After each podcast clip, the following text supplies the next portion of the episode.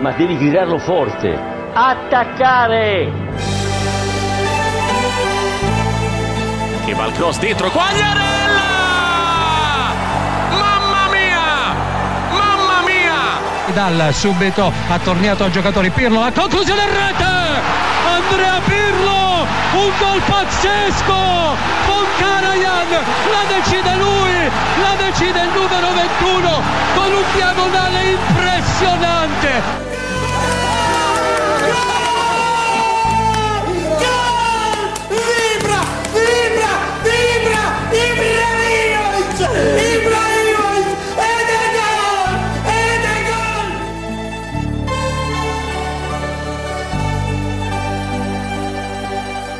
Het is dinsdag 9 november. Ik ben er, Willem Haak. Wesley Victor Mak in Frankrijk op retraite. Dus eh, neem ik vandaag de podcast op met niemand minder dan Vincent Coppola, Napoli-fan, calcio-kenner, vriend van mij. ben je er klaar voor? Ik ben er helemaal klaar voor. Ja? Ik, eh, ik had gelijk een vraag. Hoe is het om niet die eh, prachtige snor tegenover je te hebben Ja, zitten? en jij hebt er geen, hè? Ik Dus heb dat er is, geen. eh, dat is, Speciaal eh, afgedaan vanochtend. En je bent ook niet op de stoel van Wesley gaan zitten, dus zijn schoenen hoef je niet te vullen. Nee, het is een hele andere vibe hangt er in de kamer. Absoluut, absoluut. Minder vijandig. Hè? Als je een Interista en een Juventino hebt, is dat toch wat, wat gevaarlijker. En eh Interista, de Napoli-fan, is, is wat, minder, ja, wat minder vervelend. In Nederland in ieder geval. Die zouden nog met elkaar door een deur kunnen. Eh, eh, precies, precies. Want waar komt jouw liefde voor eh, Napoli vandaan? Even voor de luisteraar natuurlijk. Ja, nou voor de luisteraar. Mijn eh, liefde voor Napoli is eigenlijk al, eigenlijk al vanaf de kinderkamer eh, ingeslopen. Eh, mijn familie komt daar vandaan. Die woont daar nog steeds. eh, aan mijn vaders kant. Eh, en ja, als je Napolitaanse roots hebt. Ik weet niet of er luisteraars zijn die dat hebben. eh, dan weet je donders goed dat er in Napels maar één club is. Eh, en dat is Napoli. En de liefde voor Napoli, de verafgoding van Maradona. die is er al heel vroeg met de paplepel ingegoten. Dus vandaar. En altijd gebleven ook natuurlijk. En altijd gebleven. Ja, Want wij eh, tijdens Serie A weekenden appen altijd met elkaar. Over welke wedstrijd dan ook. Soms wel Empoli-Genoa. Lazio Salernitana. Over twee weken staat eh, Inter Napoli op het eh, programma. Laten we even beginnen. Misschien gewoon bij Napoli beginnen. Want ik ben dan naar Milan-Inter geweest dit weekend. Komt zo meteen terug. Eh, maar die wedstrijd draaide eigenlijk om de titelstrijd. Napoli natuurlijk nog ongeslagen dit Serie A seizoen gaat hartstikke goed onder Luciano Spalletti. Blijven maar winnen, blijven maar presteren. ja ongekende wilde eigenlijk. Zeker in vergelijking tot vorig jaar met Gattuso. Waarin het toch al ja. allemaal wat minder ging. Maar eh, Luciano heeft het op de rit. Maar dit jaar eh, gaat het fantastisch wel, inderdaad. Alleen de 1-1 tegen Verona wel pijnlijk, of niet? Pijnlijk. Ehm, zeker. Verrassend. Ehm, nou, om heel eerlijk te zijn, eh, had ik al wel een beetje een donkere wolk boven het weekend zien hangen. Ehm, Napoli-Verona vorig jaar natuurlijk ook echt een trauma opgeleverd. Eh, het- de laatste wedstrijd van het seizoen. Napoli liep de Champions League mis. Juventus eh, mocht wel naar het, eh, Ja. naar het miljardenbal. Na een overwinning bij Bologna, dacht ik. Toen ze wel dik wonnen en Napoli zagen falen. Toen ze op de Verona. bank met de iPhone naar Napoli Ja, aan het ja, kijken exact. waren. Maar goed, Verona kwam weer op bezoek. Ehm, en ja, het ging eigenlijk al iets te lang goed bij Napoli. Ehm, zeker met eh, Simeone in de spits is het toch altijd eh, een beetje beangstigend. Ja, ja, ja, ja. Eh, en de overwinning werd ook niet over de eindstreep getrokken. Simeone scoorde ook de 0-1 in de 13e minuut. Mooie intikker naar een actie van Barak. Verona, verrassend op voorsprong in het Armando Maradona. Het stadion Maradona natuurlijk. Ik wilde het San Paulo zeggen, mag niet meer. Vijf minuten later al 1-1, Di Lorenzo. En vanaf toen begon eigenlijk het grote tijdrekken van Verona, denk ik. Napoli raakte de paal nog wel met Osimhen. Eh nou ja, Verona deed niet heel veel meer. Kreeg toch wat kleine kansjes. Eh, en begon echt met vervelend te doen in de, laten we zeggen, 50ste minuut al, zoiets. Ja, al best vroeg hoor. Ik zag achteraf, nou, ja, dan krijg je weer van die statistiekjes die dan voorbij komen dat de effectieve speeltijd een minuut of 47 eh, uiteindelijk was. Ja, dat zijn, dingen, dat zijn dingen die je liever niet ziet. Was zeggen Salernitana ook al maar 40 minuten, hè? Voor, Precies, nou daar trokken ze hem wel over de streep. Ja. Maar eh, tegen Verona, eh, niet. Maar echt, ja, als topclub zijn er toch ook wel dingen waar je rekening mee moet houden hoor. Ja. Dan zou je toch een manier moeten vinden om een iets grotere vuist te maken en om toch wel dat extra doelpunt erin te krijgen. En dat lukte niet. Was het niet goed genoeg? Of was Verona gewoon prima? Verona staat prima hoor. Eigenlijk doen ze het al eh, dit hele jaar eh, best goed. Ehm, en ja, Napoli eh, komt denk ik nu wel in die fase van het seizoen dat ze toch het verrassingseffect wat gaan missen. Tegenstanders kunnen zich er wat beter op voorbereiden. En tegen tegenstanders als Verona krijg je het dan gewoon heel lastig. Ehm, uiteindelijk 1-1. Het is ook geen drama, maar Wel vervelend met, Wel met vervelend. de derby van Milaan natuurlijk later op de avond. En ook zeker met het programma van Napoli in, eh, in eh, ogenschouw nemend. zeker. als je dat zo zegt. Eh, Inter over twee weken. Tussendoor een Europa League potje bij Spartak Moskou. Maar daarna ook Lazio eh, thuis, Sassuolo uit en Atalanta thuis. Toch misschien wel een beetje de maanden, eh, of de maand van de waarheid komt eraan. Eh, en dan hebben we het telkens over die, eh, die Afrika Cup natuurlijk, waarin ze eh, spelers moeten gaan afstaan. Anguissa, Koulibaly, Osimhen. Eh, maar is dit dan misschien wel al de sleutelmaand in de jacht op die titel? Dat je gaat laten zien dat je echt een titelkandidaat bent. En dat je echt misschien wel nummer één eh, Scudetto potentiële winnaar bent. Nou, ik zou bijna zeggen van wel. Eh, de afgelopen maanden heeft Napoli niet het allermoeilijkste programma gehad. Eh, ook wel eigenlijk alles over de streep getrokken, dus daar valt niet heel veel op aan te merken. Maar je gaat wel zien dat deze maand met Inter, Lazio, een aantal andere moeilijke wedstrijden, dat het toch eh, meer voor het echtje is. Ja, Ehm, en toch, ja, deze maanden gaat de basis gelegd worden voor hoe je die spannende januari maand ingaat natuurlijk. Ehm, dus ik ben benieuwd. Eh, ik heb op zich wel vertrouwen in dat eh Lucianone weer een master, masterplan bedenkt. we hadden het er net ook over, eventjes voor de podcast, dat je het niet wilt jinxen. Want hoort dat bij het echte Napoli-gevoel dat je toch wel angst hebt voor het succes dat er mogelijk misschien aankomt? Tuurlijk, tuurlijk. Napolitanen worden er altijd heel zenuwachtig van. Eh, het eh, ja, absolute kookpunt daarvan was natuurlijk het seizoen eh, 2017-18. Mhm. Op 91 punten geëindigd. Eh, echt net naast de Scudetto gegrepen. Juve Maar- werd het natuurlijk. Juve werd uiteindelijk natuurlijk kampioen. Ja, maar dat ja. hoort ook wel een beetje bij het, bij het Napoli-fan zijn. Eh, in eerste instantie, als het een beetje goed gaat, dan voel je dat enthousiasme al een beetje opborrelen. Maar niemand durft meer eh, dingen te zeggen over een... eh, ja, ik durf het eigenlijk bijna ook meer niet te zeggen. over een Scudetto. Eh, dus dat gaan we ook vooral niet doen. We gaan per week bekijken wat het wordt. Maar op zich, het is best een volwassen ploeg. Een ervaren trainer staat ervoor. Eh in 17, 18 had je natuurlijk ook wel Sarri voor de groep staan. Wat ook best wel een, ja, echt een, Zenuwleier. echt een, echt een vulkaan is. Ja. die op de Vesuvius staat, staat te trainen in principe. Ehm, dus ja, op zich ehm, wel. Zijn ze de favoriet, de nummer één? Nee, nee, dat ga ik niet zeggen. Speelde die later op de avond bij Milan-Inter? nou, ik denk echt dat je een soort ja, eh, trio hebt dat, eh, Ja. dat de grootste aanspraak op de titel maakt. Daar hebben jij en Wes het de afgelopen week natuurlijk telkens, telkens over. Maar ik denk wel dat dat de kopgroep is. En op basis van wat ze tot nu toe hebben laten zien, ja, zeker de grootste kanshebbers voor, eh, voor de Scudetto zijn. Maar inderdaad, later op de avond stonden ze recht tegenover elkaar. Ja, ja, dat was fantastisch. Tenminste, ik was erbij. Voor het eerst in eh 21 maanden. Ik had op Twitter 19 maanden gezegd, maar had verkeerd teruggerekend. En had je al afkikverschijnselen. Ja, afkikverschijnselen van San Siro. Ehm, maar het is toch het mooiste wat er is. Want we, we ja. gingen vrijdag al. Ik, ik eh, ging met mijn vader. Eh, nou, eerst een weekendje Italië. En langzaam bouw je op naar die wedstrijd. En dan merk je ook dat, eh, dat het dichterbij komt. Zeker als je zondag in Milaan zelf bent. Eh, overal, omdat Milan thuis speelde, Milan sjaaltjes, Ja. Milan mondkapjes, Milan shirts. Maar is er dan ook niemand die in de stad met Inter gear durft te lopen? Jawel, jawel, dat durf. Ik had best met mijn intersjaaltje eh kunnen rondlopen. Ook omdat je naar, natuurlijk naar het stadion gaat. En, en dat vind ik het mooie aan, aan deze derby.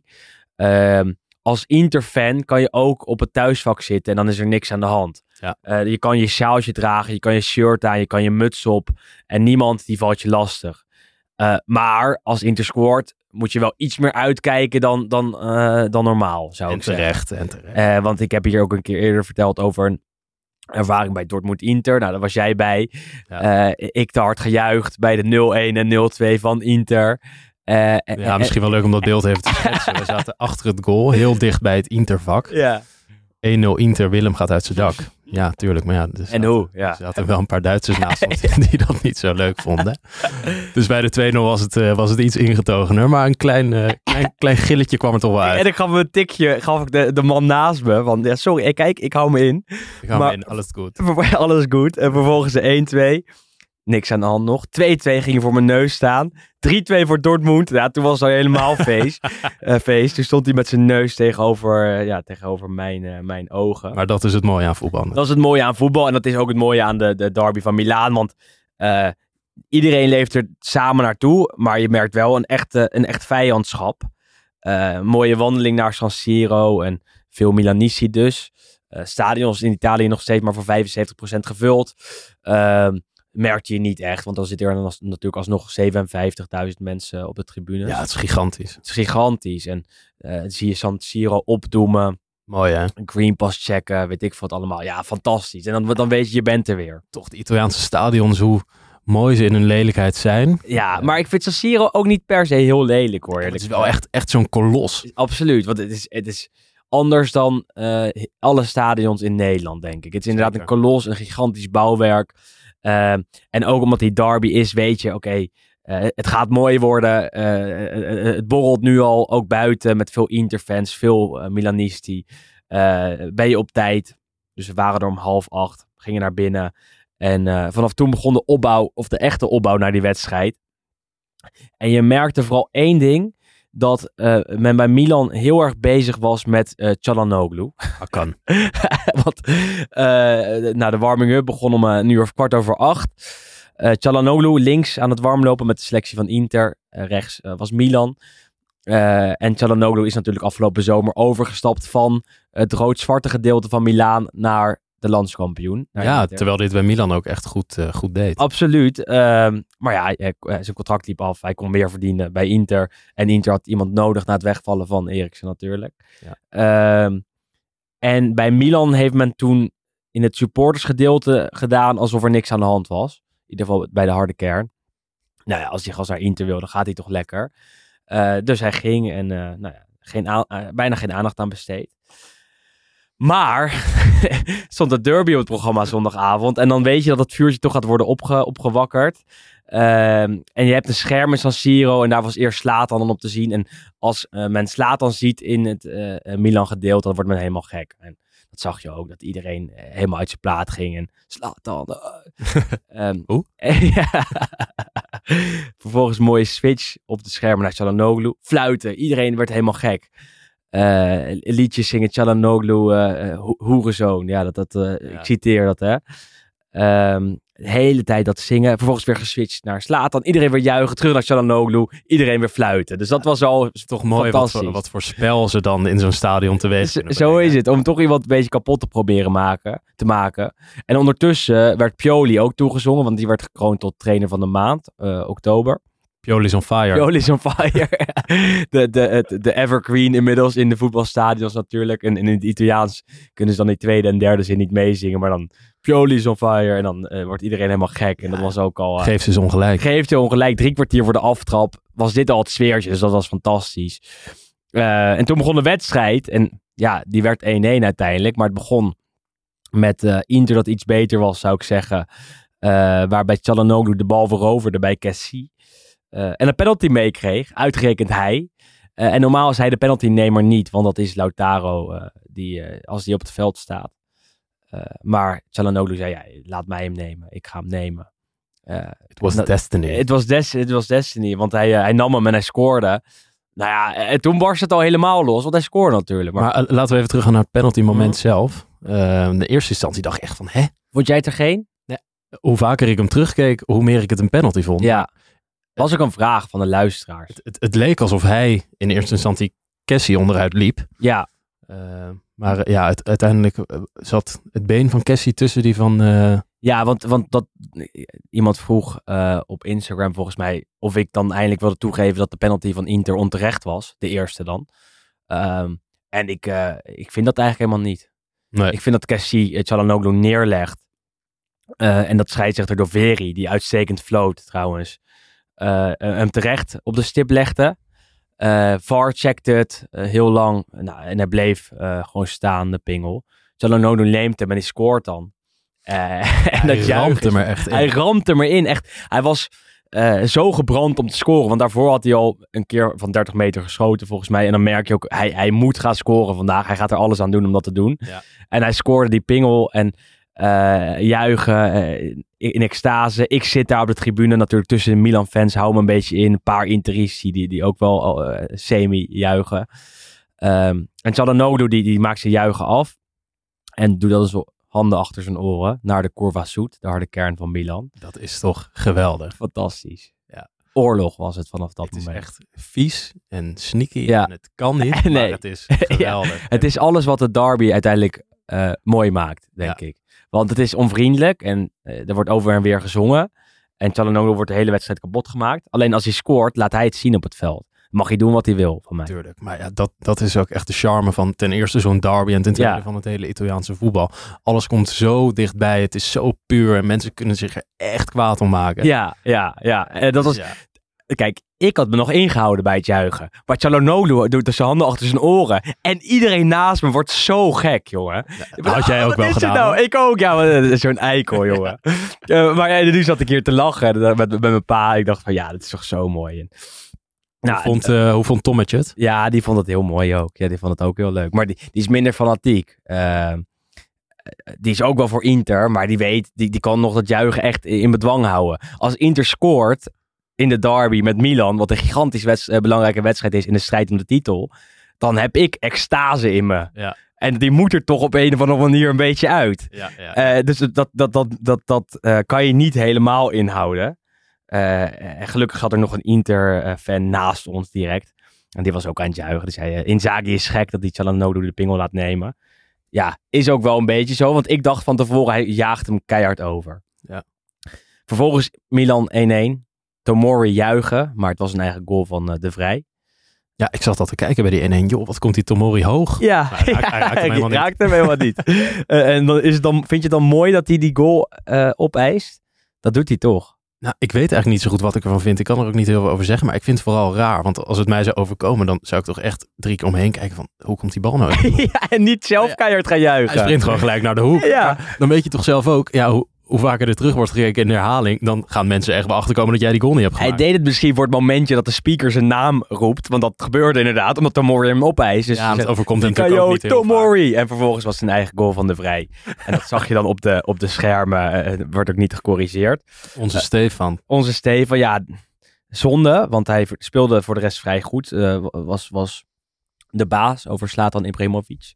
Eh, en dat was in de 18e minuut al, de 1-1.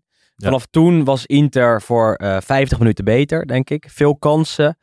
Ehm, een eh, schot van Barella van de lijn gehaald. Eh, Lautaro had... eh, nou, we komen eerst nog bij de penalty. Zo, ik wil net zeggen, je Ja. gaat een beetje... Ik ga er snel langs. Want er was nog een pingel. Er was nog een pingel. Dat, ja, dat was wel echt, echt, echt een pingel. Ja, Die Ja, eerste ook. Waarbij Darmian het strafschopgebied inkomt. Balotoure van Milan hem tackelt. En eh scheidsrechter Doveri legt hem eh, weer op de stip. En dit keer gaat Lautaro Martinez wel achter de bal staan. Ja. Want hij denkt, eh, zo net heb ik de pingel afgestaan aan, aan jou, Çalhanoğlu. Eh, nu ga ik hem zelf nemen en, en ga ik hem scoren. Alleen hij is geen penaltynemer. Dat is het probleem, denk ik. Nee. ja, ik keek naar die penalty en ik dacht, mm, zo slecht was hij ook weer niet Mhm. ingeschoten. Maar het was echt zo'n pingel van, als de keeper de goede hoek kiest, dan heeft hij hem gewoon altijd, weet je wel? Ja. Ja. Ehm, Tataruzanu eh, redde hem knap. Ja. Maar als jij een penalty hebt en je bent de spits van Inter en je bent de nummer 1 penaltynemer, dan moet je maken, vind ik. Ook op zo'n moment. Eh, en en dan, dan is het ook echt een mooie redding van Tataruzanu, die natuurlijk de vervanger is van Menjan, die geblesseerd is. Eh, en, en zich daarmee bewijst hè, dat hij dat ook belangrijk kan zijn in grote wedstrijden. Toch vind ik dat Lautaro die moet maken. En als hij die niet maakt, en dan kom je toch wel bij die andere kansen, dan moet hij wel later scoren. Dan moet hij zich toch laten zien in zo'n wedstrijd. En, en, en eh, ik kan me niet aan de indruk onttrekken dat hij een van de problemen van Inter is op dit moment. Terwijl hij echt goed is. Hij is een beetje aan het ontploffen, nog niet helemaal. Het is aan het, aan het, aan het eh, eh, ja, hoe noem je dat? Als je een vuurtje aansteekt en het is een beetje aan het rommelen is het, zeg maar. Het, Ja. het komt wel, maar nog niet helemaal. Eh, dus af en toe dan, dan, dan, dan hoor je een klappertje en dan is het een mooie goal. Maar vaak is het toch iets te, iets te matig. Ja, bij- maar bij het zit er bij die jongen wel echt in. Eh, Ja, het is niet voor niets dat, dat Barcelona hem wilde. En, en eh, andere teams achter hem aan zaten. Zoals Tottenham ook. en, maar waar, waar ligt dat dan aan volgens jou? Dat hij nog niet... Hij is te druistig. Hij is nog niet scherp genoeg. Hij is niet dodelijk genoeg. Hij is niet de man die een derby van Milaan beslist op het moment dat het moet. En dat heeft hij in het verleden wel min of meer gedaan. Hij heeft, heeft een aantal keer tegen Milan gescoord natuurlijk. Ook met een penalty. Eh, maar eh, dit is het seizoen waarin hij de nummer 1 in de spits is. Naast Zeko die 35 is. Lautaro moet nu de man zijn die het elftal daar gaat dragen bij het vertrek. Of na het vertrek van Lukaku. Eh, en dat doet hij niet in, in, in de belangrijke wedstrijden tot nu toe. En dat is wel een probleem, want je ziet die kansen en je ziet dat Inter eh, beter is, vind, vond ik echt, bijna de hele wedstrijd, behalve de laatste 10 minuten. Maar dat ze het niet afmaken. En dan moet je toch naar je spitsen kijken of, of naar iemand die, die het over de brug kan trekken. Maar heeft hij dan toch echt zo'n zo'n grote, sterke spits naast zich nodig? Maar dat is Zeko. Het, het, het is ook... Ja, klopt. Alleen als het moment erop aankomt dat hij een wedstrijd moet gaan beslissen, dan gebeurt het toch heel vaak net niet. En dat is het probleem. En dat is het probleem van Inter. Want ze hebben tegen Juve gespeeld. Waren beter. Niet gewonnen. Tegen eh, Lazio waren ze slecht. eh, terecht verloren. En tegen Atalanta eh, hadden ze ook misschien wel moeten winnen. Trokken ze het ook niet over de streep. Misten ze ook een penalty. En dat is het probleem met Inter. Dat killer instinct dit jaar ontbreekt. Ja. En dat had je met Lukaku vorig jaar wel. En die besliste toen altijd. Of bijna altijd. Waarvan ik ook denk dat als hij er nu nog was geweest bij Inter, dat, dat ze dan de, de derby hadden gewonnen. Eh, eh, er waren kansen genoeg. En, en, ja, Over kansen gesproken. Twee keer werd hij echt panklaar teruggelegd op de penalty stip. Ja. Volgens mij één keer Barella, andere keer Vidal. Ja, absoluut. Die ballen moeten toch gewoon in. Zo is het. En dat is het probleem van Inter dus. En daardoor denk ik ook dat ze niet... Kijk, veldspel technisch hoort Inter bij de beste drie van Italië. Misschien wel nog net iets beter dan Napoli, zou ik zeggen. Hè, in de grote duels. Maar je moet het afmaken. En ook beter dan Milan dus. Dus ik zeg eigenlijk dat Inter veldspel technisch de beste van Italië is tot nu toe.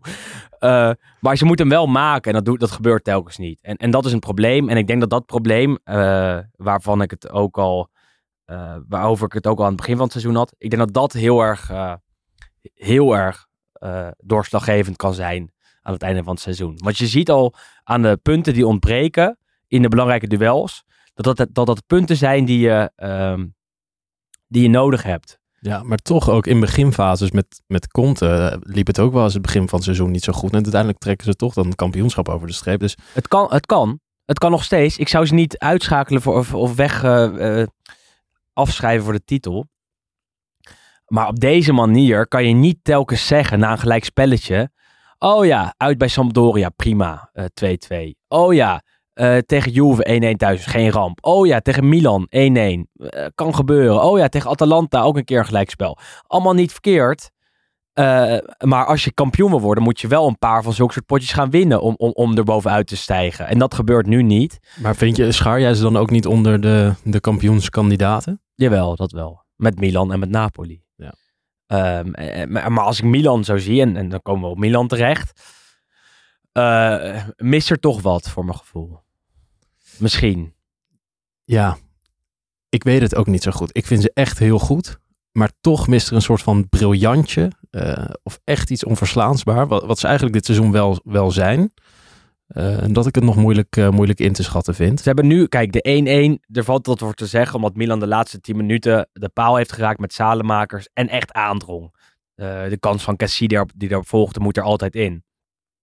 Maar ben je tevreden met een wedstrijd waarin je 80 minuten de mindere was en 10 minuten wel wat laat zien? Ben je dan als Milan-fan blij met een 1-1? Dat denk ik wel. Ben je blij met eh, het veldspel, met, met de derby aan zich?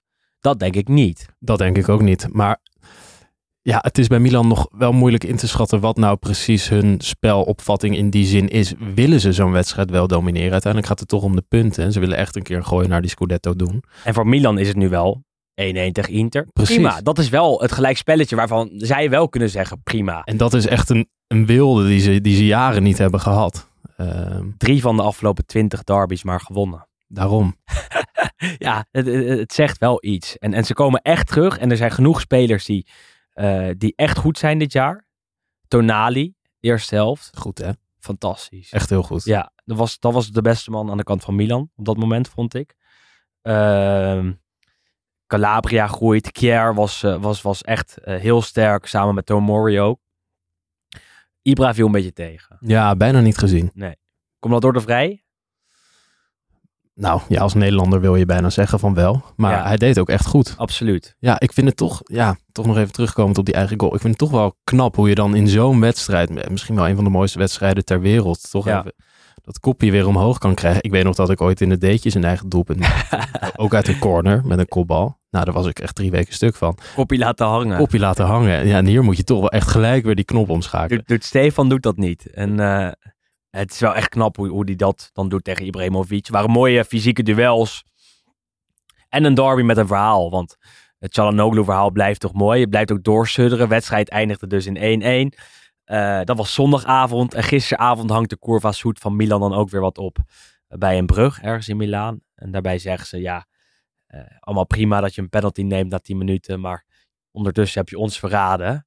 Eh, letterlijke tekst is, eh, eh, ja, je, je, je hebt je vrouw verlaten op het moment dat er moeilijkheden waren of iets dergelijks. Het is gewoon lekker eh, over en weer modder gooien. Het is het is Italiaans Milaan. Het is ten voeten uit. een, een broedertwist. En, en daarom noem je als je Inter-fan bent of Milan-fan bent ook een Milanista of Interista, een, je, je nicht of neef.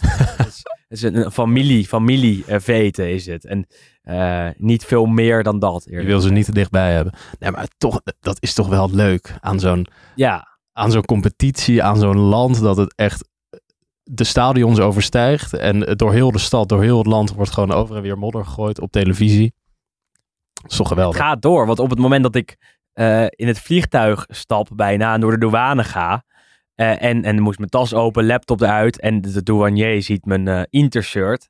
En die vraagt gelijk: Oh, ben je hier ook voor de derby eh, geweest? Was mooi. En ah, ik ben fan van Torino. Dus ja, Ja. wij hebben wel een goed seizoen. Maar ja, pech voor jou dat Inter gisteren niet won. En dat zijn wel dingetjes die je toch telkens terug ziet komen, waar dan ook. De, de eh, vrouw van onze eerste Airbnb was eh, fan van Inter. Eh, en haar zoons ook. Dus die zei bij afscheid, uh, Forza Inter vanavond. En zulke soort dingen. En dat komt altijd en overal terug. Ja, maar het is gewoon een van de eerste labels die in Ja. Italië op iemand plakt, is een clubvoorkeur. Ja, ja. ben je Juventino, nou, laat maar zitten dan. laat maar zitten. ik ga wel ergens anders eten. Ja. ja, iemand zei, vroeg ook nog in de Instagram vragen. Waarom zijn Milanisti de vervelendste fans die er zijn? Maar dat, ja, ik ben het daar niet mee eens. Is dat zo? Nou, zijn, hebben zij een bepaalde identiteit als, als, als fan? Mm, nou, weet ik niet. Nou, eh, waar ik zelf altijd niet zo heel goed tegen kan, is die hele Amerikaanse show die door die eh stadionspeaker in het San Siro wordt... eh, nee, het is een andere, andere, ander soort stadionspeaker, hè? Ja, het is een beetje gewoon zo, zo Hollywood-achtig Ja, bij Milan. ja. En ja, goed. Ik, ik hou altijd iets meer van, van wat, ja, echt die ruigere... Het pure. Het pure. Het pure Napolitaanse, echte Decibel Bellini gevoel. Precies, precies. Dat, niet- dat is niet een- evenaren natuurlijk. Niet de man met de rode bril van Milan die daar achter de speaker... eh, Nee, maar ik vind eh Milanisti niet, niet per definitie vervelende, nee. vervelende fans. Ik ook niet, ik ook niet. Ehm, dat was de derby, 1-1 dus, waardoor de titelstrijd nog helemaal open ligt. De stand is als volgt bovenin.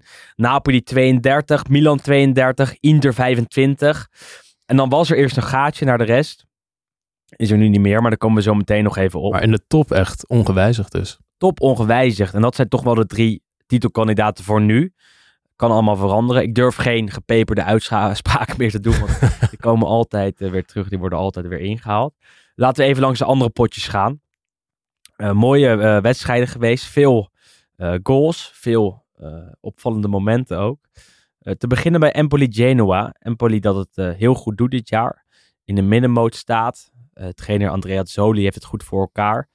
Had hij ook tegen Genoa. Ook al kwamen ze met 0-1 achter door Criscito penalty. Altijd Criscito. Scoort vaak hè. Het is ongelooflijk. Wij spelen ook van Calcio samen. Ja, nou echt, breek me de bek niet.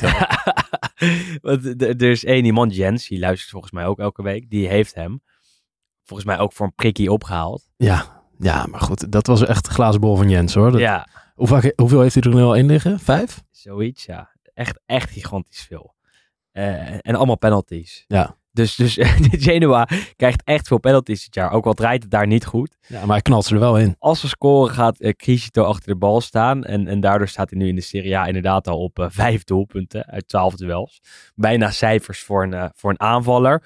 Werd eh, uiteindelijk 2-2, want eh, Empoli kwam voor. Di Francesco, de zoon van de oud-trainer van een hele lange rij clubs. Waaronder Verona, Sampdoria, Sassuolo, Roma. En eh Zurkowski maakte de 2-1 Mooie goal was dat. absoluut mooie goal. Van een, eh, van een eh, goede afstand ook. Ja. Een meter of 25, krult hem in de hoek. Bianchi, talentvolle spits van Genoa, maakte nog 2-2. Maar het was niet genoeg om de baan van Davide Ballardini te redden. De man met zonnebril, door ons geliefd hier altijd, Ja, werd ontslagen. echt een cultheld wel. een hè? cultheld. Met het zonnebrilletje toch. En nu ook, vrijdagavond. Het is toch een beetje winter in Milaan. In ieder geval aan het worden. Staat hij toch met zonnebril op. Ja, nou ja, mijn oma heeft ook altijd binnen in huis een zonnebril. op. Dus dat- Hoezo dan? Ja, dat is toch de, de stile Italiaan. Ja. nou, die beheerst eh, Ballardini ook wel. Voor hem jammer dat de club is verkocht aan Amerikaanse eigenaars. Maar dat dit de laatste daad van Preziosi als eigenaar van de Rosso Blue was. Hij draagt de club over een week over. Had nog wat eh, vingers eh, in de pap. Ehm, zeg je dat zo? Vingers in de pap. Vingers in de pap. Ja, denk ik wel. Ja, ja, ja, ja. Ja, In ieder geval mocht hij nog wat beslissen. En hij heeft Ballardini al een aantal keer ontslagen in zijn, eh, in zijn loopbaan als clubeigenaar. En nu in zijn laatste week bij Genoa dacht hij... Ja, het is, eh, het is wel een keer klaar, want eh ze Ja, presteren niet. is al echt zo vaak ontslagen. ja, hij heeft volgens mij in de Serie A nog nooit een seizoen afgemaakt. 14 seizoenen nooit een afgemaakt. Ziek is dat, hè? Ja, en bij Genoa nu voor de, voor de vierde keer ontslagen. Ja, mooi. hè? Dan doe je toch iets niet goed.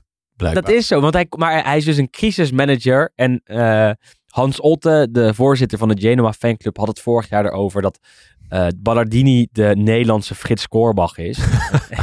en daar zit wel een beetje wat in, want hij, hij komt altijd, hij redt het dan. Eh, begint hij het seizoen als trainer van een club, dan maakt hij het nooit af, omdat het shock-effect toch op een gegeven moment eh, weg is. En bij Genoa heeft men altijd haast. Eh, nu ook, toch in een eh, transitiefase, klaar voor een stap naar de middenmoot misschien wel. Komen ze nu aan met een opvallende trainer. Andrea Pirlo werd genoemd. Het werd Andriy Shevchenko. Mooi, hè? De ene cultheld weg, de andere erin. Fantastisch, ja. Op een andere manier toch een cultheld, hè, Shevchenko? Nou, ja, klopt. Eh, echt, echt. Ja, natuurlijk een oud spits met ongekende klasse. Zo is het, ja. Eh, maar benieuwd wat hij als trainer eh, in de Serie A kan gaan brengen, hoor. Eerste baan als clubtrainer. Natuurlijk al bondscoach van Oekraïne geweest.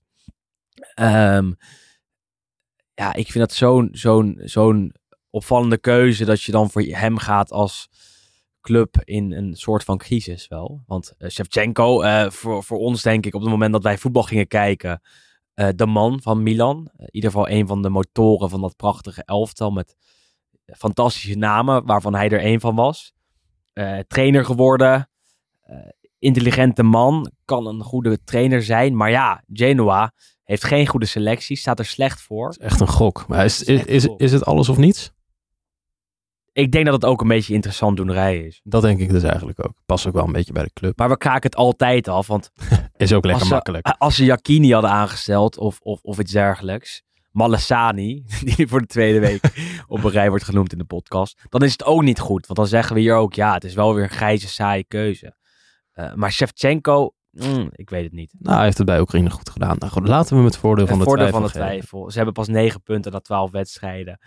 Eh, kan wat worden. Gaan Maar toch ook houden. best, eh, nou ja, pittig, pittig. Ik weet het niet. Maar Genoa en Milan staan natuurlijk niet op de allerbeste Nee, voet met elkaar. nee En hij is wel een echte Milanista. natuurlijk. Zo is het. Die supporters hebben een grote hekel aan elkaar na wat incidenten, wat grote incidenten uit het verleden.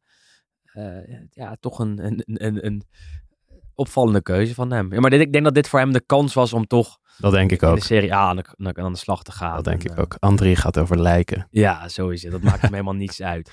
Een dag later, zaterdag, Spezia Torino. Torino, eh, nou, we hadden het er net nog over met de douanier. Doet het goed dit jaar. Juric lijkt het eh, prima op orde te hebben.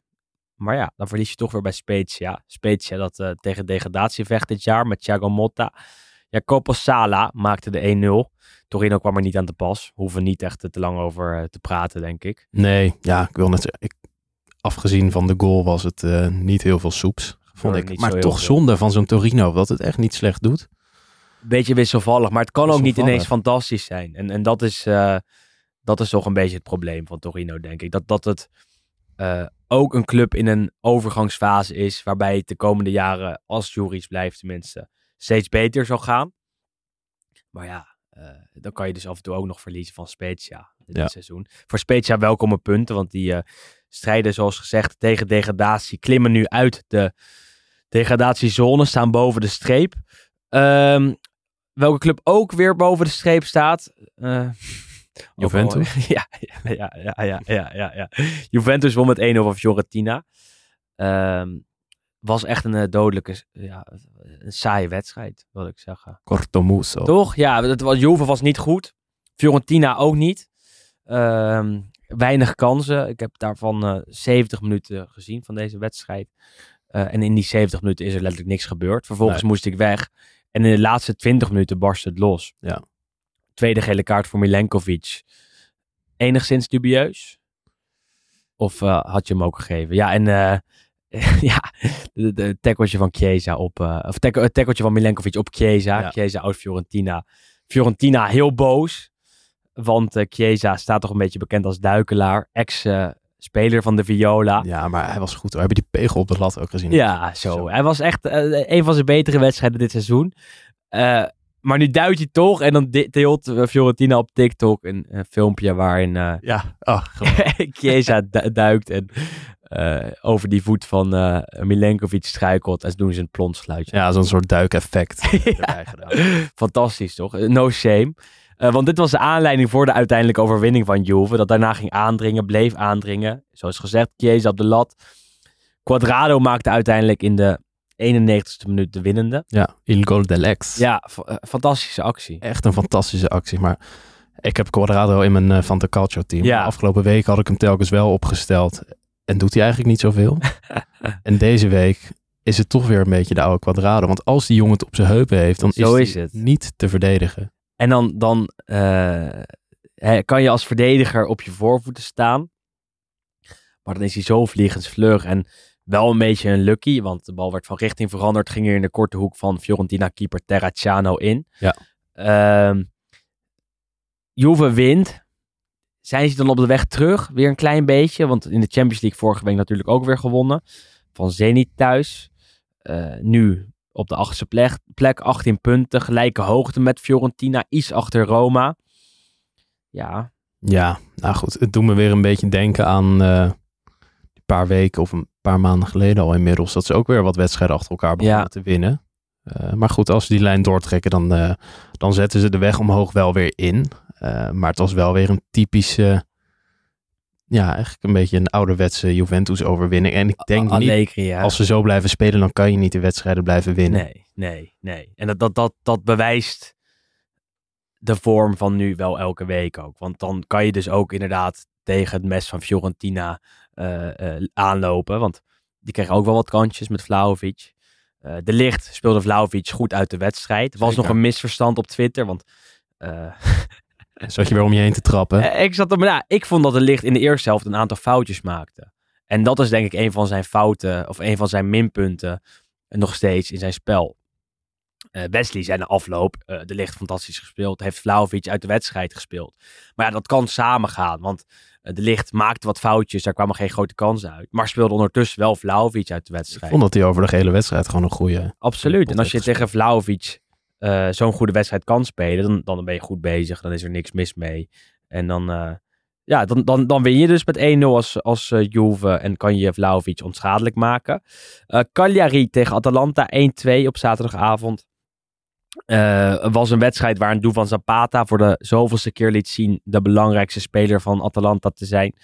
Bij een 1-1 stand maakte hij de 1-2 de winnende. Eh, Atalanta daardoor ook weer iets aansluiting bij de Italiaanse top. Op aangeven van onze Teun. Ja, Teun eh Koopmeiners goed bezig. Hij heeft Nog echt zijn steeds. draai gevonden. En Absoluut. toch vind ik dat wel echt knap hoor. Echt een basisspeler. Een van de weinige Nederlanders die het daar een beetje, Ja, absoluut. die het Want, een beetje eh, goed doet. De rest doet het, nou, de licht hebben we genoemd. Maar hoe rustig die aan de bal is, joh. Dat is echt, eh, echt- Is hij echt knap. een, van de eerste elf spelers van Atalanta op dit moment? Op dit moment zou ik zeggen van wel. Champions League basisplek, Serie Ja. Basisplek. Vorige week natuurlijk nog eh, pech gehad tegen Cristiano Ronaldo. Ja. Eh, waarbij Atalanta met 2-1 voor stond. Dat het uiteindelijk 2-2 werd. Atalanta nu wel weer gewoon op een vierde plek. En eh, dat is ook de plek waar ze ongeveer thuis horen in deze vorm. Wonnen dus bij Cagliari. Cagliari dat niet kan winnen, niet meer weet te winnen. er niks van bakt en met zes punten op de allerlaatste twintigste plek staat. Wel weer een doelpunt van Joao Pedro. João Mirabilhão. Ja, eigenlijk is hij wel iets te goed hè, voor Cagliari. Hij is te goed voor Cagliari. Nou, hij is zeker te goed voor een elftal dat wordt getraind door Walter Mazzari. Ja. Want eh Mazzari gaat misschien weer de laan uit worden gestuurd. Is sprake van. Even afwachten of dat eh, gaat gebeuren. Voorlopig zit hij er nog eventjes. En dat terwijl hij er pas net zit ook. Dus ja, Dat is ook weer lekker het is typisch. ook weer lekker. De druk er gewoon weer gelijk voor op. Zondagmiddag. En die wedstrijd heb ik helemaal teruggekeken. Omdat het zo spectaculair was. Venetia tegen Roma. Waarbij Roma eh midweeks gelijk had gespeeld tegen Bodo Glimt. Waarvan ze eerst de 6-1 hadden verloren. Dit keer wilden ze revanche halen in het Olympico. Lukte niet. Eindigde in 2-2. Niet rampzalig in de Conference League. Maar er was wel de hoop dat ze dan wel van Venetia zouden winnen. Op bezoek in het Penzo. Waar ze- Zeker als je de Romanisti op van die pontjes naar het stadion Fantastisch, toch? Echt zo mooi. waren echt veel uitfans ook. Bijna de hele korte zijde daar bezet door eh, de Romanisti. Ja. Ehm, ze werden wel teleurgesteld. Het was al snel 1-0 voor Venetia. Caldara, veel eh, scorende verdediger. Ook in zijn Atalanta-tijd was hij al eh, heel vaak trefzeker. Werd wel nog 1-2. Shomurodov, Ab Abraham, Abraham. Eh, die wel wat pech had, want hij raakte ook nog twee keer de paal. Scoorde wel. Weer eentje erbij voor Tammy's 20. Absoluut, ja. Nou ja, hij komt dichterbij. steeds weet, wie weet, Wie wie weet, weet. het kan nog. Maar ik denk niet dat hij het gaat halen op deze manier. Ik denk het ook niet. Zeker niet als Roma het zo slecht blijft doen, want ze gaven de goals weer heel makkelijk weg. 2-2 door een penalty, 3-2 door Okereke. En die twee goals moeten we even analyseren, denk ik. Want bij de 2-2 krijgt Venetia een penalty. eh, en die is vorige week niet gegeven aan Roma, bij eh, Roma-Milan. En twee weken geleden wel aan Juve, tijdens Juve, In- of Inter-Juve. Ja. En nu gaf eh, de scheidsrechter hem wel weer bij Venetia-Roma. Roma dus genaaid. Vond Mourinho ook weer na afloop dat hij toch weer zei, ja, wat is het nou? Ja, Snap jij de woede van, van Roma? Want die keert zich de afgelopen weken toch enorm tegen de scheidsrechters. tuurlijk. Ehm, maar dat is ook een beetje eigen aan het, eh, aan het Italiaanse voetbal. Ehm, ook een beetje eigen aan Mourinho en ploegen die hij traint. Het ligt nooit aan hen zelf. Het, ze zoeken het altijd, eh, altijd ergens anders. Maar het is zo doodzonde als je naar die wedstrijden kijkt. En dat er gewoon nul consequentie in zit. Mhm. De ene wedstrijd is het wel wat, de andere wedstrijd is, is het niet wat. En er mist gewoon vanuit de VAR een bepaalde rode lijn eh, over wat wel en geen strafschoppen zijn. Ik snap dat dat heel moeilijk is, maar dat maakt het kijken naar Italiaans voetbal wel echt zoveel minder leuk. Bij, Ja. Nap- bij Napoli had je ook wat momenten dat Osimhen Mhm. aan zijn shirt werd. Ja, het telt gewoon telkens bij elkaar op en je voelt je altijd een beetje zielig als je erover blijft Ja. doorpraten en, en daaraan blijft wijten. Maar uiteindelijk zijn dat wel dingen die je over een heel seizoen punten kosten. Roma wel enorm aan de verkeerde kant van de streep dit seizoen. Natuurlijk met Zeker. die penalty tegen Juve, die eh, eigenlijk een, al een goal was. Met eh, de niet gegeven penalty tegen Milan. Nu met Venetië, dat hem wel weer meekrijgt op een hele goedkope manier. Ja. Waarvan je ook denkt, maar hoe, hoe, hoe, kan het nou? En ik denk niet dat er een complot is tegen Roma. Al denkt Mourinho dat wel een beetje. Ja. De technisch directeur daar ook een beetje. Al denken de fans dat ook een beetje. Eh, maar de frustratie mag er zijn, want het is een heel belangrijk moment. Moment waarop Roma 1-2 voor staat, minuut 65. En uiteindelijk mag Aramou achter de bal gaan staan en die, eh, die maakt hem af. Daarvoor ook al goed voor de assist trouwens, dus die man is echt in vorm. Vervolgens besluit Mancini, de Roma-verdediger, te gaan slapen. Want de bal wordt lang gegeven, hij heft buitenspel op. En ook een reken kan eh, doorlopen, staat vrij voor de keeper. En maakt hem fantastisch af met een enkele schaar en met links langs eh Rui Patricio. Echt netjes. ja, Echt netjes. ook Reken, oude speler eh, van eh, wat Belgische clubs, volgens mij van eh, Club Brugge. Oeh, maar daar is Wesley meer. Ja, dat is, ik was al aan het twijfelen. Daar is Wesley van, maar eh, dat moet toch genoemd worden uiteindelijk. Ja, dat je me even van tevoren moeten brieven dat ik me in het Belgische voetbal zou moeten Zo verdiepen. is het, maar bij Club Brugge een beetje mislukt. En nu bij Venetia toch wel alleraardig, speelt veel. Ricciano Haps, bij Venetia, ook actief natuurlijk. Ja, wat duelletjes tussen Karsdorp en Haps. Ja, mooie duel toch? Hè, voor de oud Feyenoorders. tuurlijk. Haps nog bijna goed voor een assist op Henry. Eh, niet Thierry Henry, maar de, de man van Venetia die de bal op de, op de, jat, eh, op de lat eh, joeg. En toen bleef het dus bij 3-2. Nou, daarna hebben ze volgens mij nog een mogelijkheid gehad, maar het, het had zomaar 4-5-2 kunnen Zo worden. is het. En dan heb je gewoon weer een hele pijnlijke middag als Romanisti, Romanista. Allebei trouwens, ook als eh Ja. meervoud. Want eh, ja, Roma toch bezig aan een vrije val. Ja. 19 punten uit 12 duels. In de Conference League de afgelopen we- weken eh, matig. In de Serie A nog wel gewonnen bij Cagliari. Maar daarvoor ook al bezig aan, eh, aan wat slechte potjes. Maar toch jammer, zo'n Mourinho die echt als Messias wordt binnengehaald. Hoe lang is zijn houdbaarheid? Nou, die wordt met de week korter, lijkt het. Ehm, maar in eerste instantie komt hij natuurlijk binnen als eh, met een hele hosanna van eh, ik ben hier de verlosser. Ja. Ik, ik zal even orde op zaken stellen. Eh, ik zal alle neuzen dezelfde kant op krijgen. Ja, Hij laat de spelers natuurlijk in de, in de kleedkamer het clublied zingen. Het, het Ja, lijkt alsof hij overal over heeft nagedacht. ja, Behalve over het veldspel. tactiek. ja, ja, ja, ja. Dus dat, dat is een beetje jammer. En dan klaagt hij dus na afloop weer over de aankopen. En dat vind ik gewoon zo verbazingwekkend. Roma heeft bijna 100 miljoen uitgegeven afgelopen zomer. En toch zegt hij dat de selectie niet beter is dan vorig seizoen. Zegt hij ook dat zij spelers als Bruno Perez missen, als Juan Jesus. Juan Jesus. Ja, Ja. dat is toch wel pijnlijk, vind ik. Want ik heb veel respect voor Mourinho. Ik ben natuurlijk interista, dus hij kan bij mij bijna niks verkeerds doen. Maar het is pijnlijk. Het wordt een beetje zielig. Het wordt een, ja, Ja, want eh, als je 100 miljoen hebt uitgegeven, dat is praktisch 20% van alle uitgegeven eh, bedragen in de Serie A afgelopen transferzomer. Ja. Eh, en dan ben je Roma, hè? niet Juve, niet Inter, niet Milan, maar Roma, wat normaal niet zoveel geld uitgeeft aan spelers. Toch zorgwekkend, want die zesde plek is niet genoeg. Ze moeten dit jaar vierde worden, derde worden. En op deze manier gaat het niet lukken, want als je ook al verliest bij Venetia, Ja. heb je toch eh, enige problemen. maar toch wel mooi. hè? Zo'n klein stadionnetje dat Absoluut. helemaal uit zijn dak gaat. En die shirts blijven toch mooi. En dat tweeten ze dan ook bij Venetia. Ja, we zijn veel meer dan alleen maar een fashion brand. Want we winnen ook van Roma. Ja. Dus dat blijft toch, eh, toch hartstikke mooi. Ja, dat zijn ook de lekkere tweetjes. Zo is het, ja. Dus op sociale media gaat het goed met de Italiaanse teams. Sampdoria Bologna werd 1-2. Waarbij Marco Arnautovic de winnende maakte in de 78ste minuut. Hierbij scoorden ook twee spelers die ik niet had opgesteld bij mijn Fanta Calcio. Dat ja, dat was een zure wedstrijd. toch de rode draad van, eh, van deze podcast. Svanberg en, en Torsby. Torsby, de oude Heerenveen-speler natuurlijk. Arnautovic, oud-Twente, maakte de winnende met een mooie kopbal. Ja, toch wel een eh, sluwe Vos. Hè, hoe die zich daar positioneert en hem er toch in krijgt. Hij is perfect voor Bologna, denk ik. Hij is goed. Ja, hij Nou, is absoluut goed. Hij heeft gewoon wel echt het talent. Alleen, ja, hij, hij mist gewoon een beetje Het koppie. het, het. En maar ook als hij dan scoort en dan, en dan gaat hij zo uit zijn plaat. Ja, Eh, zeg maar, ja. Hij heeft zelf vast wel vaker een winnende hebben gemaakt. Maar gewoon een beetje de agressie die er van afstraalt. Ja, daar, word, daar word je een beetje bang van. En absoluut, dat, dat past ook wel bij hem. eh, want zo is hij nou eenmaal. Ik vind het ook wel mooi om naar te kijken. Maar toch denk, dat ik denk van jongen, je- hoe, oud is hij nou? Hij is ook al in de... In ook al in de de 30. denk, ja. ja. je hebt toch wel vaker een winnende gemaakt. Ja, maar, goed, het, eh, het, je mag juichen. het hoort bij de Italiaanse passie. je mag juichen, ik. zeker, zeker. zeker. En eh, ja, na zijn tijd eh, bij Inter, toch weer terug in Italië. En dat is toch wel hartstikke mooi.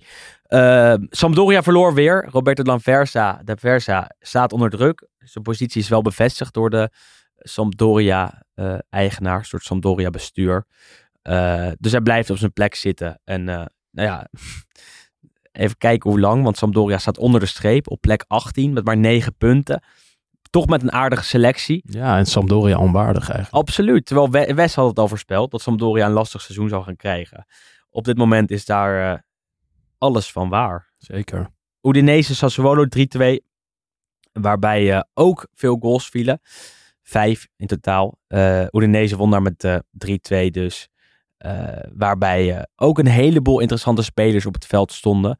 Berardi, Fratesi scoorde voor Sassuolo. Toch twee van de eh, mooiste Italiaanse voetballers van dit moment, denk ik. Is hij goed, hè? Absoluut. Echt goed. Die gaat wel een transfer maken, denk ik, aan Ja. het eind van dit seizoen. Ehm, komt uit de jeugdopleiding van Roma. Dit seizoen aan het doorbreken. Kan echt die stap weer gaan maken. En ik ben benieuwd waarheen. Want voor een club als Milan, of, of misschien wel Inter, misschien wel Juve. Is dat echt wel een interessante speler die Daarom. daar eh, wat kan toevoegen. Ja, en bij Sassuolo lopen ze echt wel rond hoor. Absoluut. Hoewel Silvestri natuurlijk een onwijze blunder maakt. Ja, bij de goal van Berardi. De, de, maar hij moet hem er nog wel even inschieten. Absoluut. En dat valt me dan op, want die goal was door het poortje heen van Silvestri. En eh, nou ja, dat, dat, dat, dat zag je de- deze, deze speelronde vaker. Dat een bal door het poortje het net inging. Ehm maar Udinese won nog. Want Bertu.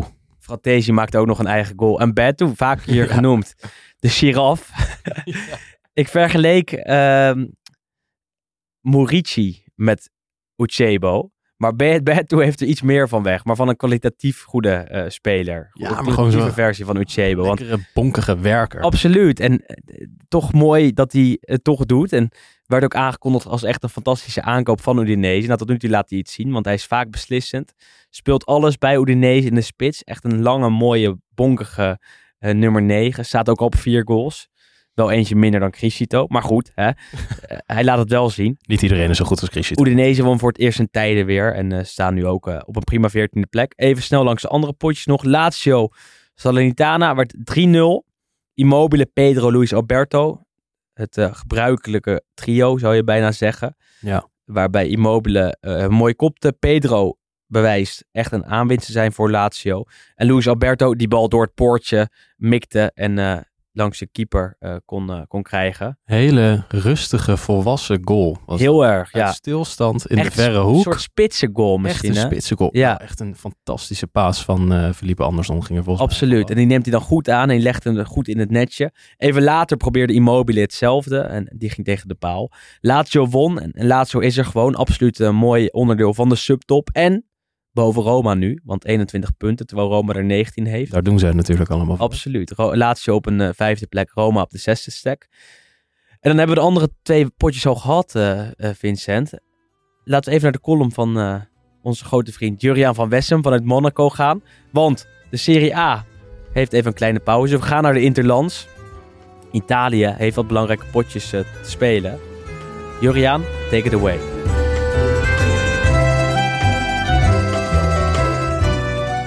Er zijn van die feiten die te mooi zijn om niet te benoemen, maar die ik ook niet wil jinxen. De Italiaanse ploeg heeft nog nooit in de voorronde van een WK een thuiswedstrijd verloren. En er zijn maar heel weinig landen die dat kunnen zeggen. In 1934 speelde Italië zijn eerste voorrondewedstrijd op weg naar het WK. Dat was het WK in eigen land. We hebben het dus over een tijdspanne van 87 jaar. Natuurlijk verloor Italië nog wel eens een competitieve wedstrijd in eigen land, zoals onlangs bij de Nations League tegen Spanje. Maar op dat record in de WK-voorronde zijn de Azzurri best wel trots. Daarom wordt er ook met een zekere spanning uitgekeken naar het duel van vrijdag tegen Zwitserland in Rome. Het is een herhaling van de groepswedstrijd op het afgelopen EK, toen Italië met 3-0 won. Eigenlijk was dat de meest overtuigende overwinning op dat toernooi dat voor de Italianen zo succesvol was. Met twee goals van Manuel Locatelli en één van Ciro Immobile. Sindsdien troffen beide ploegen elkaar ook in september in Basel. En toen werd het een doelpuntloos gelijkspel. Maar Zwitserland mag na de stuntzege op Frankrijk op dat EK zeker niet worden onderschat. Zwitserland is namelijk ook het enige land dat het thuisrecord van de Squadra Azzurra in de WK-voorrondes echt aan het wankelen kreeg. Dat gebeurde op 14 oktober 1992. Dat was toen de eerste wedstrijd op weg naar het WK in Amerika en de eerste competitieve wedstrijd onder bondscoach Arrigo Sacchi. Er werd vooraf enorm naar dit duel uitgekeken. Want Italië had een maand eerder in Eindhoven met 3-2 gewonnen van Oranje. Met een spectaculaire Cantona-achtige winnende goal van Gianluca Vialli. Nadat Oranje toch echt met 2-0 had voorgestaan. Vialli, Baggio en Lentini, op dat moment de duurste speler ter wereld, vormden de voorhoede van de Azzurri. Met Donadoni en Evani als extra aangevers. Een extreem aanvallend Italië dus. De wedstrijd werd gespeeld in het Sant'Elia stadion van Cagliari, dat natuurlijk uitverkocht was voor deze gelegenheid. De Zwitsers waren sinds 1966 niet meer op een eindtoernooi geweest, maar het bleef wel een buurland en ze waren hard op weg om naar het WK te gaan onder bondscoach Roy Hodgson. Na plichtplegingen ging Italië aanvallend van start. Het nam veel risico's en na een kwart wedstrijd stond het 2-0 voor de Zwitsers. Door goals van Orel met een fantastische lop en Chapuisat na een pijnlijke blunder van doelman Marchegiani. De Italianen wisten echt niet wat ze meemaakten. Sacchi zag water branden en statistici zagen een thuisrecord in rook opgaan. De lovende woorden bij de voorbeschouwingen konden de prullenbak in. Zwitserland speelde brutaal en Italië in een keurslijf. En met nog 10 minuten te gaan was het nog altijd 0-2.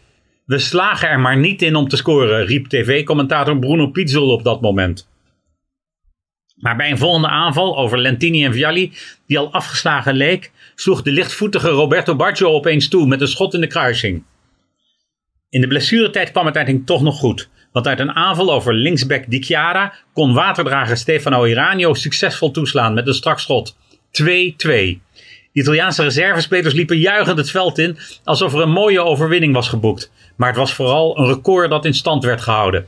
En dat staat 29 jaar later nog altijd vier overeind. De Azzurri zijn gewaarschuwd voor de Noorderburen.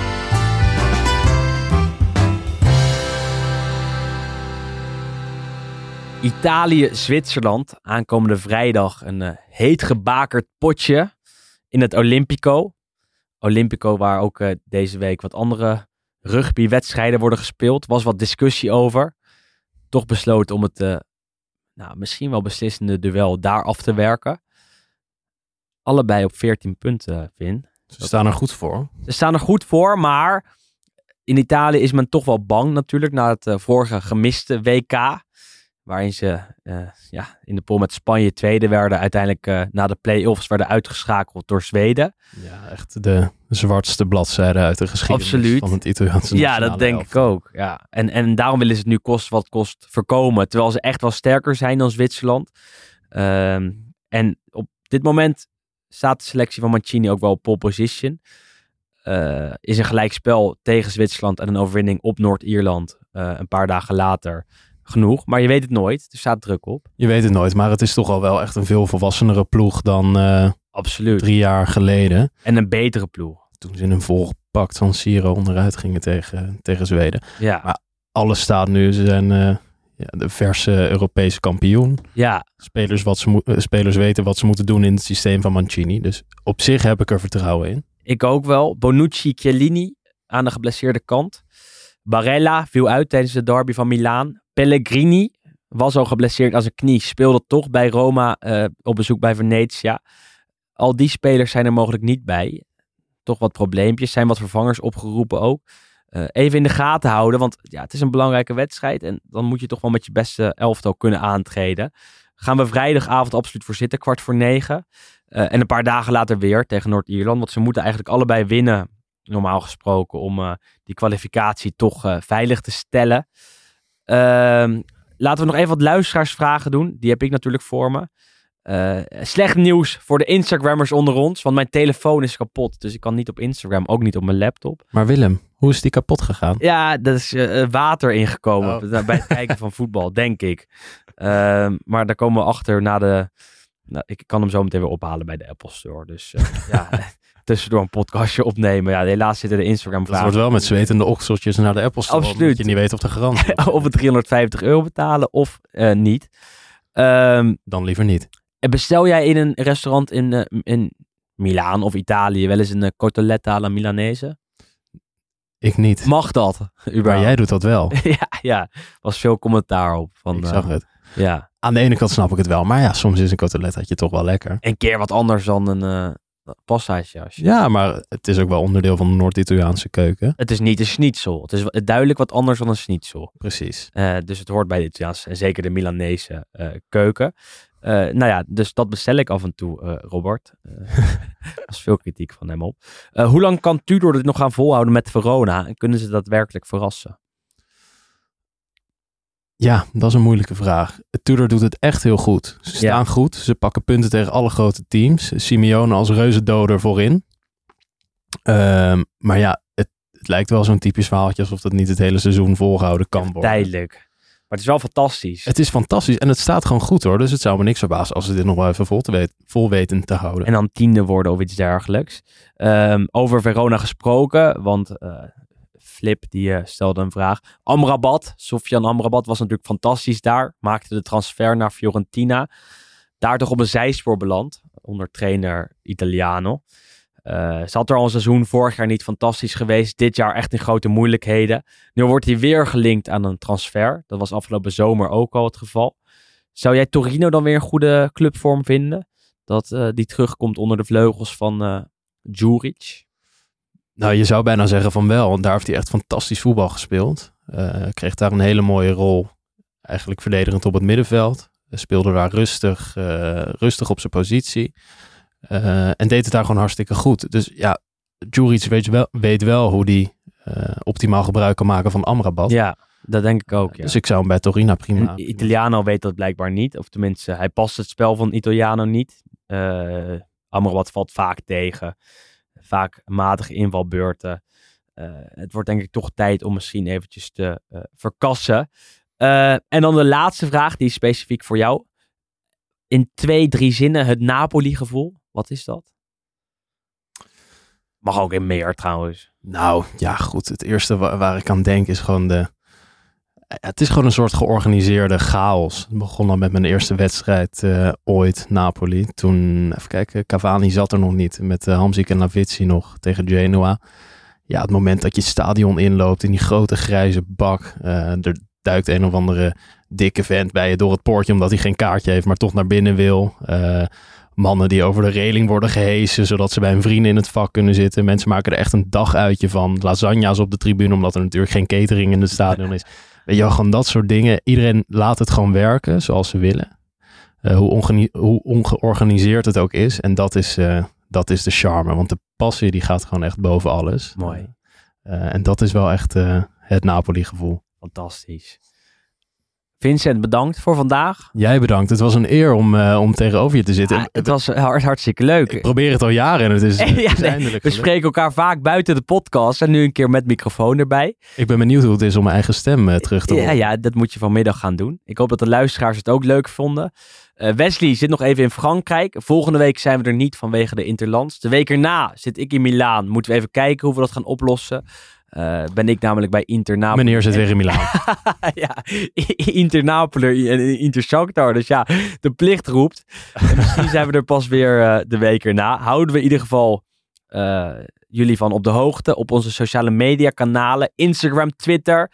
Heb je tot die tijd tips, hints, trucjes of misschien een mooi reliquie om naar ons eh, toe te sturen? Om eh, Bijvoorbeeld een vintage Napoli shirt. Vintage Napoli shirt, ja, waarmee wij op de foto kunnen of die we kunnen verloten. Eh, er ligt een plan om misschien een Lo Stadio museumpje te openen. Nou, dat is toch leuk. Elke week een mooie reliquie verzamelen. Dat, dat, dat ergens neerzetten en dan kijken we wat we daarmee kunnen gaan doen. Eh, houden we jullie in ieder geval van op de hoogte de komende tijd. Tot die tijd, volg ons dus. En eh, alles wat je wil laten weten over de podcast is welkom op Instagram en op Twitter. En op WhatsApp enzovoort.